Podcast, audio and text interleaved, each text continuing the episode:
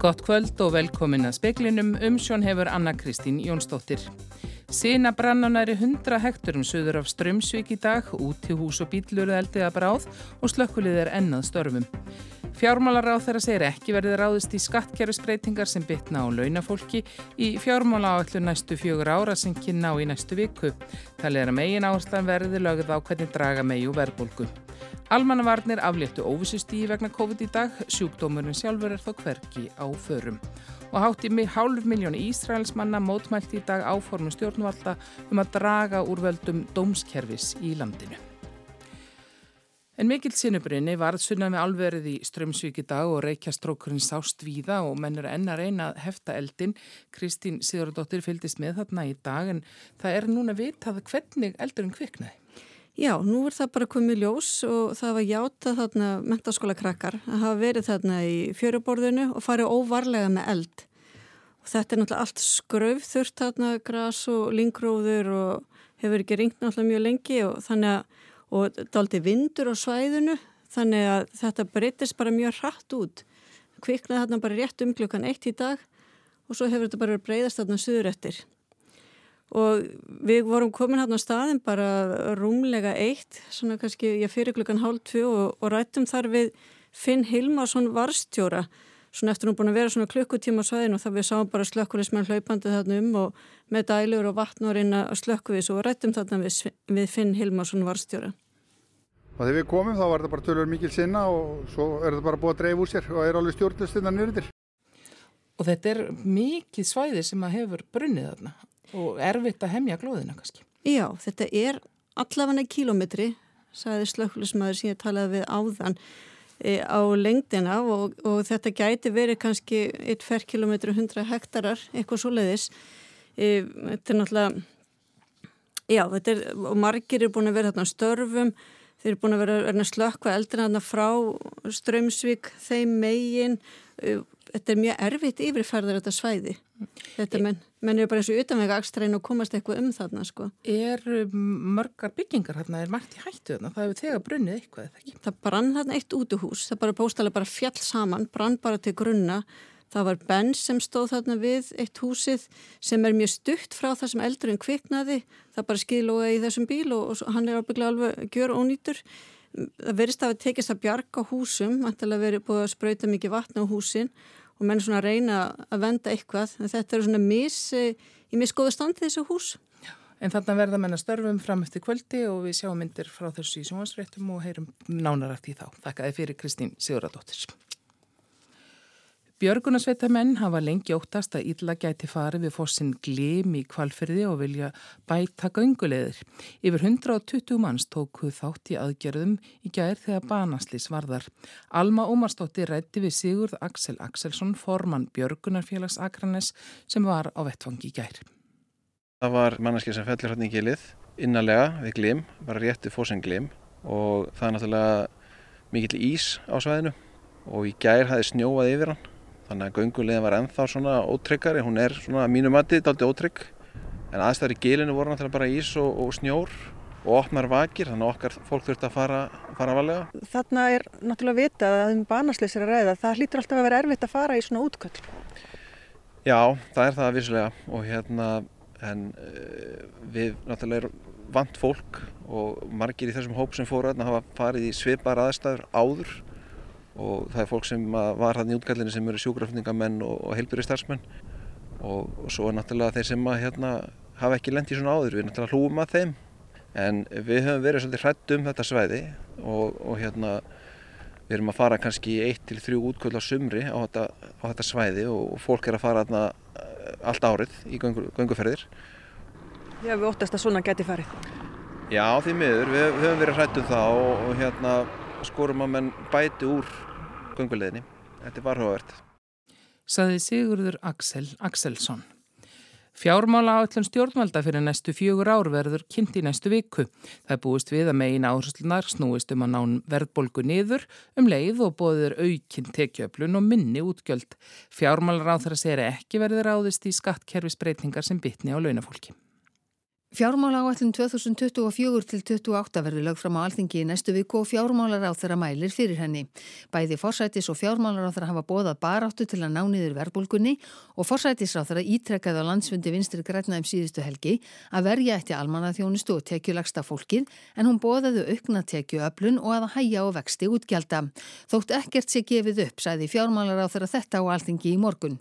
Við munum ekki fara í skattkerfisbreytingar sem að munu bitna á launafólki við þessar aðstæður. Eh, við höfum eins og er laungu bóðað að við munum draga úr ívilnunum til dæmis í skattkerfum fyrir vegi og samgöngur, það er að segja veganótkun eh, sem að í dag er skattur sem er inn í bensín og dísilgjaldinu. Saði Bjarni Benediktsson en ekki leikur fyrir hvort stjórnvöld ætli að hætta við framkvæmdir eða fresta þeim og hvar í að draga úr þenslu og minga útgjöld. Jóhanna Víkti Sjáltadóttir tók saman. Ríkislauglustjóri og sóttvarnalæknir ákvaði daga aflýsa óvissust í almannavarna vegna heimsfaraldurs COVID-19. Ímis almannavarna stig vegna COVID-19 hafa verið í gildi hér á landi síðan 27. janúar 2020. Óvissust í almannavarna hefur verið líst yfir hér á landi vegna koronavirunar sem að hefur dreyið yfir 80 manns til dauða í Asíu. Næri 3000 manns hafa smittast sagði bóji Ágústsson í sjónvarpsfréttum þann sama dag. Þar til í dag hafa ímist verið í gildi óvissu, hættu eða neyðarstig vegna faraldursins. Helstu ástæður þess að óhætt er að aflýsa óvissu stíginu er að ekkert nýtt afbreyði sjúkdómsins hefur komið fram í rúmt ár. Íbúar á Íslandi eru vel bólusettir og innlögnum á sjúkrahús hefur fækkað. Engar ofinberar aðgerðir vegna COVID-19 hafa verið í gangi síðan í lok februari fyrra. Sjúkdómurinn sjálfur er þó hvergi á förum þó almannavarnarstígi hafi verið aflýst. Í samantækt í síðustu vikum á sjá að í hverri viku er fólk á spítala með COVID-19. Í síðustu viku greindust 35 með COVID-19 síkingu á landinu og voru þeir jafn margir í vikunni á undan. Átta lögðustinn á spítala með eða vegna COVID-19 í síðustu viku. Þá er COVID-19 ennþá yfirlýstur heimsfaraldur og talinn ógn við líðheilsu í heiminum samkvæmt alþjóða heilbriðismálastofnuninni. Róbert Jóhansson sagði frá.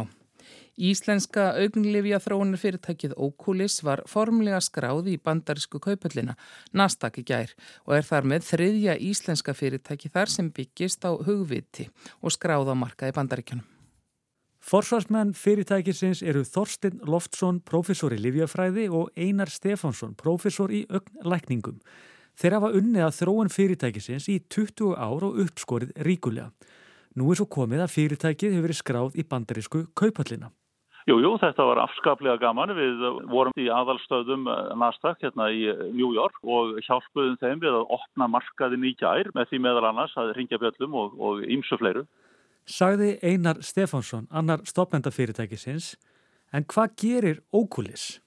Fyrirtækið hefur þróað tækni í livjæðinaði, tækni sem að gerir að það mögulegt að flytja liv inn í augað. Fyrirtækið með höfustöðver í Sviss og fjölmörg útibú víða um heim er áallar virðið þess nú að milli 40-50 miljardar króna. Spurður hvort hann hafi búist við slíkum árangri, svarar einar. Já, það er eitt að búast við og annað að vonast til og ég hef með að segja að við vonast til þess að ná einhverjum slíkum áfanga. Þetta er auðvitað langt ferli. Þá segir einar mikilvægt fyrir efnagslífið að það sé hægt að byggja upp svo vermat fyrirtæki með húvitið eitt af opni. Valur Grettisson sagði frá. Sáli Nínistó fórseti Finnlands undir þetta í dag lög sem staðfesta aðild Finnlands að Allansarsbandalæginu. Finnar þurfa því aðeins að býða samþykis ungverja og Tyrkja til þess að fá NATO aðild. Finnska þingið samþykti umsók finna 1. mars og það er ekkit eftir annað fyrir finnan en að býða. Ungverjar taka umsók finna fyrir á mánudaginn 27. mars og fórsetið Tyrklands hefur beðið Tyrklandska þingið um að koma umsók þeirra sem fyrst að á þinginu.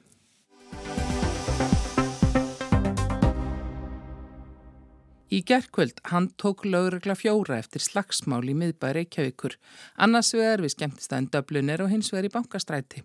Báðir þessi staðir hafa komið við sögu í átökum vopnaðura manna. Í nóvember riðist hópur grímu klættra manna með nýfa inn á skemmtistæði bankastræti og veittist að þremur mönnum.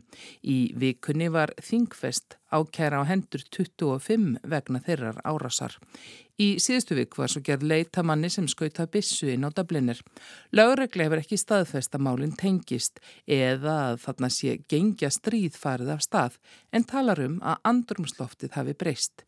Helgi Gunnlaugsson, afbrótafræðingur og profesor við Háskóli Íslands, segir að þetta endur spekli vissan menningar kima og svo virðir sem sömur yngri karlar telji réttlætanlegt að beita ofbeldi, bera og jafnvel grípa til vopna til að mæta augrun eða leysa úr ágreiningi. Og þetta er annars eðlis en kannski það ofbeldi sem við höfum upplifað áður hjá okkur að þýlitinu til að þegar einstaklingur beitir annan einstakling ofbeldi að það var oft verið í vímu og, og þetta eru oft verið svona mikil eftirsjá og eitthvað, eitthvað slíkt í gangi.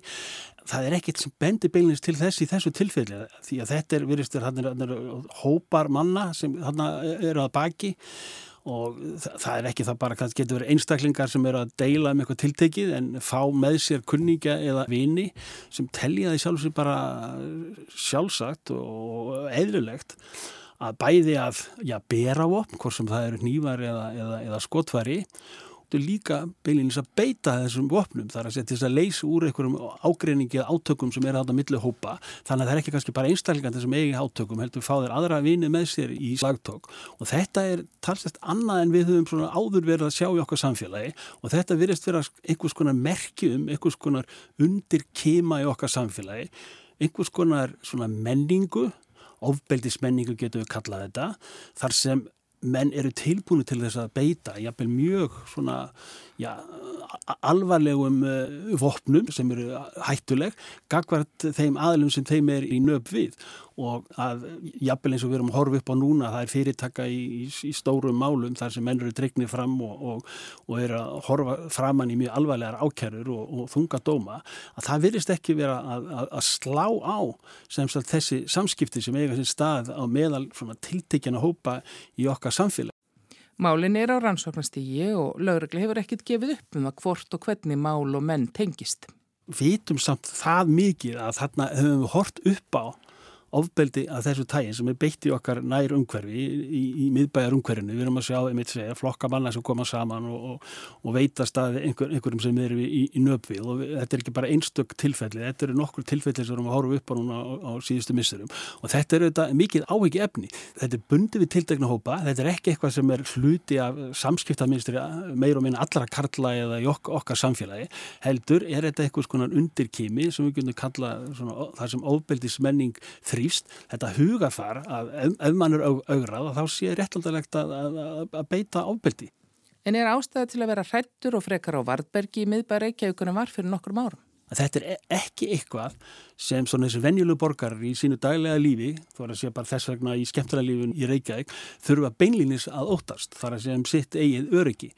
En að hafa svona viðbyrða, hafa svona atbyrði og svona hópamyndun fyrir fram að sig í skemmtarlífi er eitthvað sem við viljum ekki sjá því að það er alltaf hægt á því að lenda á það á milli og líka bara að upplifa þetta með eigin augum, að sjá ofbeldi þessu tægi að það er líka eitthvað sem gera verkum að gera mann óorgan og, og hérna og getur skapa svona öryggisleisis tilfinningu hjá okkur. Og til að uppræta þetta hugarfar sem virist vera festa rætur í tilteknum hópum, dýr ekki að beita bara refsingum og réttargeslukerfinu þessi hugmyndafræði að, að, að það sé eðlert að kannski standa vinum eða kunningisunum meira en til dæmis eh, að fylgja lagabústanum og taka spilinins á, á við það. Þetta er, þú veist, þó þessi einstaklingar einn eða tveira, þá er þetta líka spurningu átt um leiðtói sem hópum og þessi leiðtóar hafa átt í mikil áhrif og á aðra sem þá fylgja stað þá vilja mann standa kannski með leiðtónum eða standa með vini sínum frekar en að standa með lagabústanum og það þarf að takast á við og hugmyndafræði að þetta sé ekki eðlilegt og þetta sé ekki bara viðiðandi í samskyndu fólks að, að, að haga sem sem hætti. Þannig að það, það þarf aðgerðir sem, sem taka á margvíslegum þáttum í þessum málum. Það er bæði svona varðandi líf þessara einstaklinga og bakgrunn þeirra en líka beilinins að takast á við þessu ofbeldisverk sjálf því að þetta er eitthvað sem við erum að sjá og hefum verið að sjá mála þessu tæg, alvæglega mál, svona í ríkara mæli núna á, á síðustu messurum því miður. Hvernig er helst hægt að reyna að uppræta þessar hugmyndir og þessa afstöðu? Það er með bara samskiptum við þessa hópa og þessa einstaklinga að bara koma til þeirra ekki bara í svona einhverjum rannsór og tilgangi þar sem við erum að reyna að upplýsa þessi mál sem við þurfum að gera heldur líka að nálgast á að þeim hætti að, að, að ræða reynulega hvað hann er á segði, hvað er hann bak við þetta kynnast þessum einstaklingu með, með, með samtali að gera hvortveggja að átt okkur á því reynulega hvað er að gerast í, í, í okkur umhverfi og í okkar, já, í okkar bara bakgarði. Hvernig svona mál uh, koma upp það sé engin sérstök karlmennska í, í, í því að, að vera með, með, með vopni eða, eða vera sína stærri eða meiri varandi það að þetta sé einhver virðingar sessa að, að bera vopni eða, eða, eða beita þeim.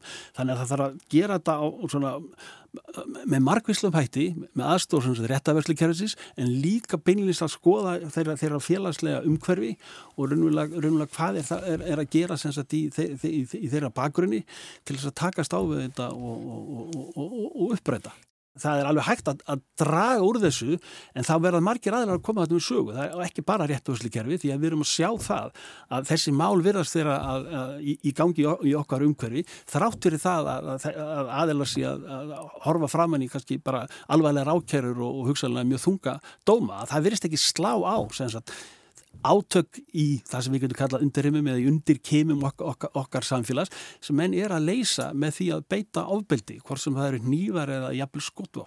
Þetta er eitthvað sem við viljum ekki sjá í okkar umhverfi og við höfum ekkert umbyrðalindi fyrir því að, að það sé verið að beita ofbeldi þessu tægi í, í okkar samfélagi. Saði Helgi Gunnlaugsson.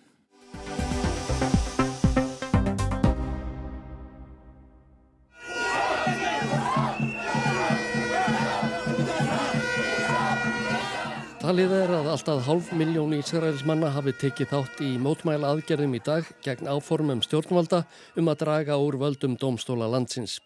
Mótmælinn hafa staðið linnulítið síðast linnar 11 vikur.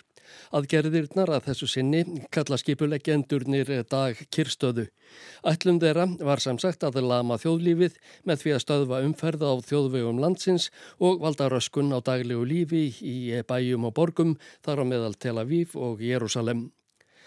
Nýjasta samstefnustjórn Benjamins Netanyahus fórsættisráð þeirra er sögð svo hægri sinnaðasta í sögu Ísraels ríkis. Fljótlega eftir að hún komst til valda var tilkynnt að til stæði að breyta lögum um domstóla landsins. Stjórnaranstæðingar fullirtu að markmiði væri að auka völdi ríkistjórnarinnar á kostnað domskerfisins.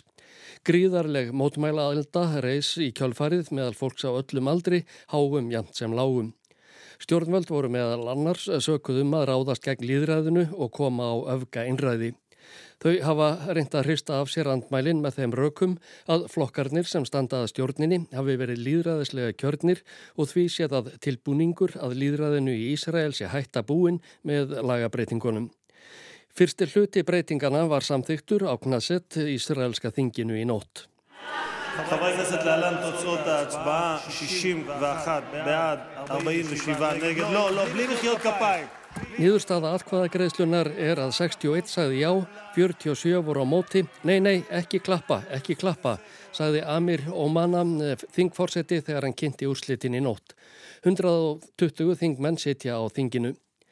Þessi lagabreiting felur í sér að ríkisaksóknar í Ísraels getur ekki lengur líst fyrir yfir að forsættisráþur hans er óhæfur til að gegna ennbætti sínu ef eitthvað fyrir úrskeiðis í lífi hans eða ennbættis færslum. Stjórnaranstæðingar segja að þessi breyting sé gerð til að koma í vekk fyrir að Benjamin Netanyahu verði sviftur völdum. Hann á dóm yfir höfði sér fyrir fjársvik, umbóðsvik og að hafa þegið mútur. Jæri Lapid, leiðtói stjórnaranstöðunar og fyrirverandi forsætisráð þeirra var fullur fyrirlitningar þegar niðurstaðan lág fyrir. Eins og þjóvara nóttu hafa stjórnarþingmenn samþýtt fyrirlitleg lög með spillingar yfirbræði sem eiga að koma ákveðinni personu til góða, skrifaðan á Twitter. Benny Gantz, fyrirverandi varnarmálar og þeirra notaði einni Twitter til að hvetja sem flesta til að taka þátt í degi kyrstöðunar. Fólk hefur sapnast saman víða um landið í dag, meðal annars við heimili Netanyahu's forsætis ráþera í Jérúsalem og við bústaði annara ráþera. Hávar mótmæli hafa verið í helstu borgum og umferð verið stöðvuð á nokkrum þjóðleiðum. Lóregla greip til þess ráðs að beita vass þrýstibissum til að sundra hópum mótmælenda í Haifa og Tel Aviv. Þar sagðist Íris Cohen Aida í viðtali við AP fréttastofuna taka þátt í aðgerðunum því að hún ótaðist um framtíði líðræðis í Ísrael.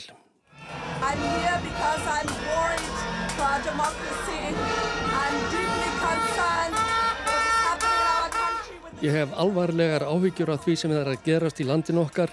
Þessar svokölluðu umbætur og domskerfinu eru ekki annað en tilrönd til að koma á einræði, sagðun. Og Gaila Aloni hvaðst einnig hafa áhyggjur af framtíð Ísraels.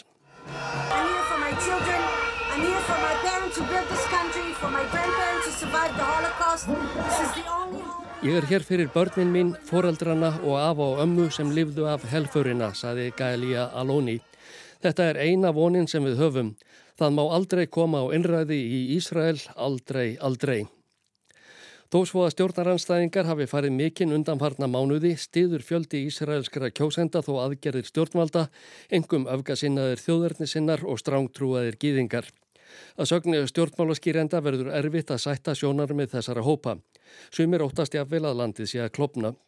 Ifraim Mirvis, æðsti rabbini Bretlands, segir í aðsendri grein í Jewish Chronicle, starsta dagblæði gýðinga í landinu, að hann hefði aldrei trúað því að fólk og jafnvel virtir leðtúar Ísraels ættu eftir að segja að borgarastrið var í yfirvofandi. Fyrirsogn greinarinnar er Ísrael í krísu. Rabbinin hvetur fylkingarnar til að leita allra leiða til að sætta andstæð sjónarmið. Ásker Tómasson tók saman.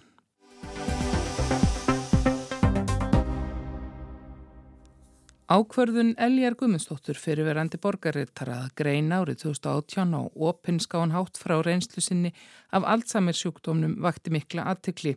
Þetta breytti lífi Eljar og einmannshennar Magnúsar Karls Magnússonar Læknis. Magnús hefur á undanföldnum árum verið virkur í starfi Alzheimer samtakana og var nýlega tilnemdur sem fulltrú Íslands í vinnuhópa og vegum Evrópsku Alzheimer samtakana.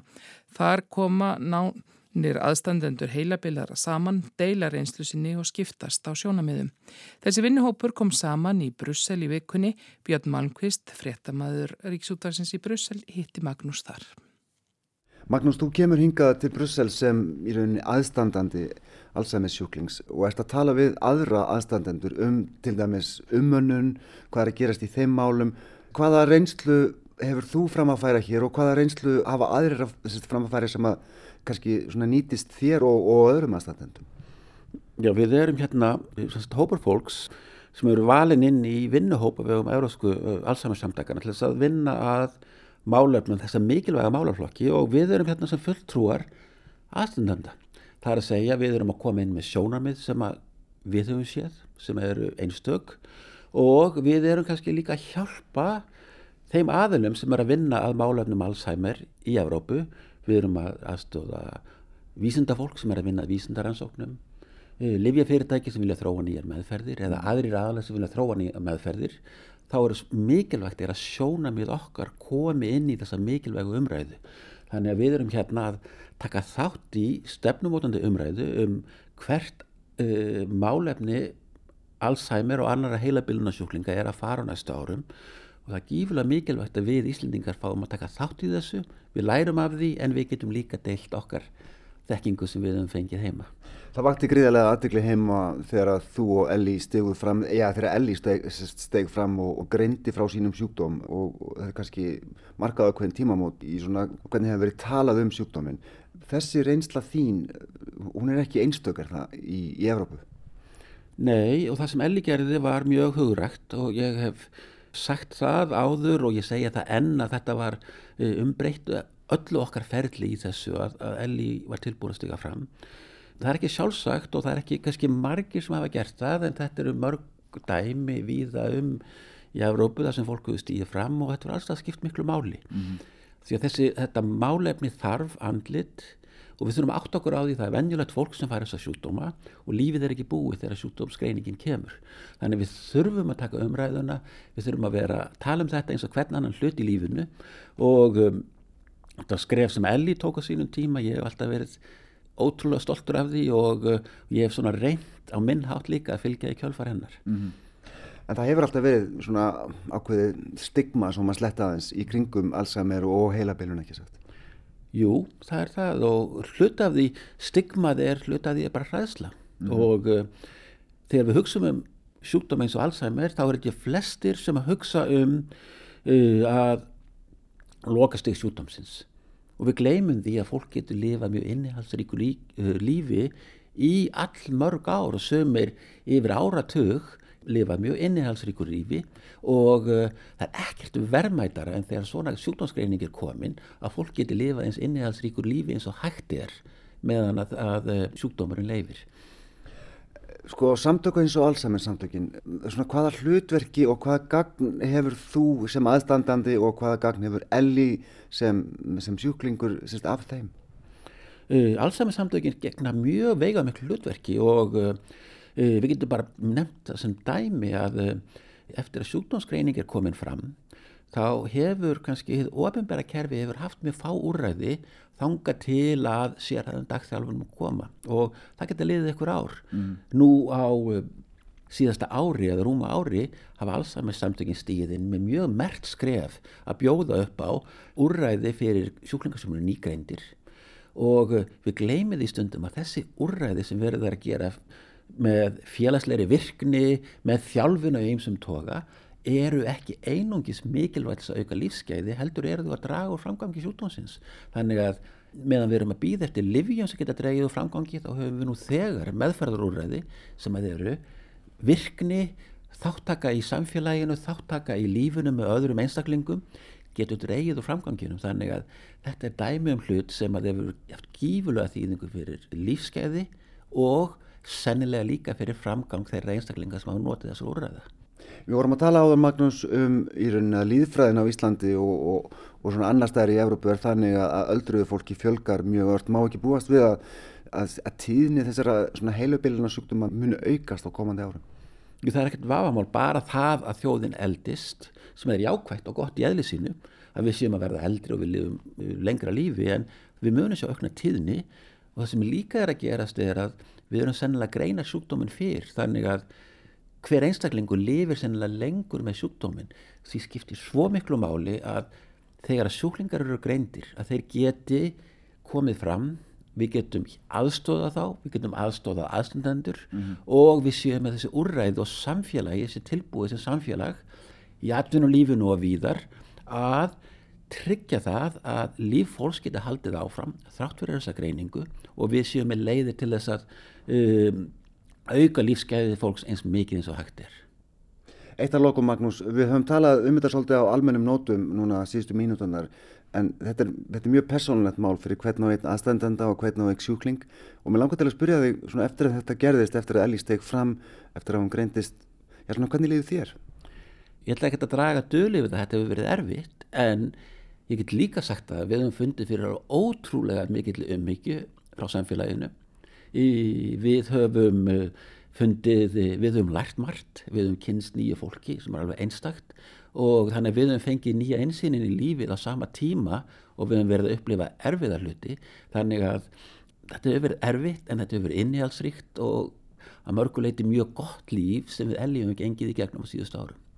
Magnús, takk að þið fyrir. Takk sem leiðis.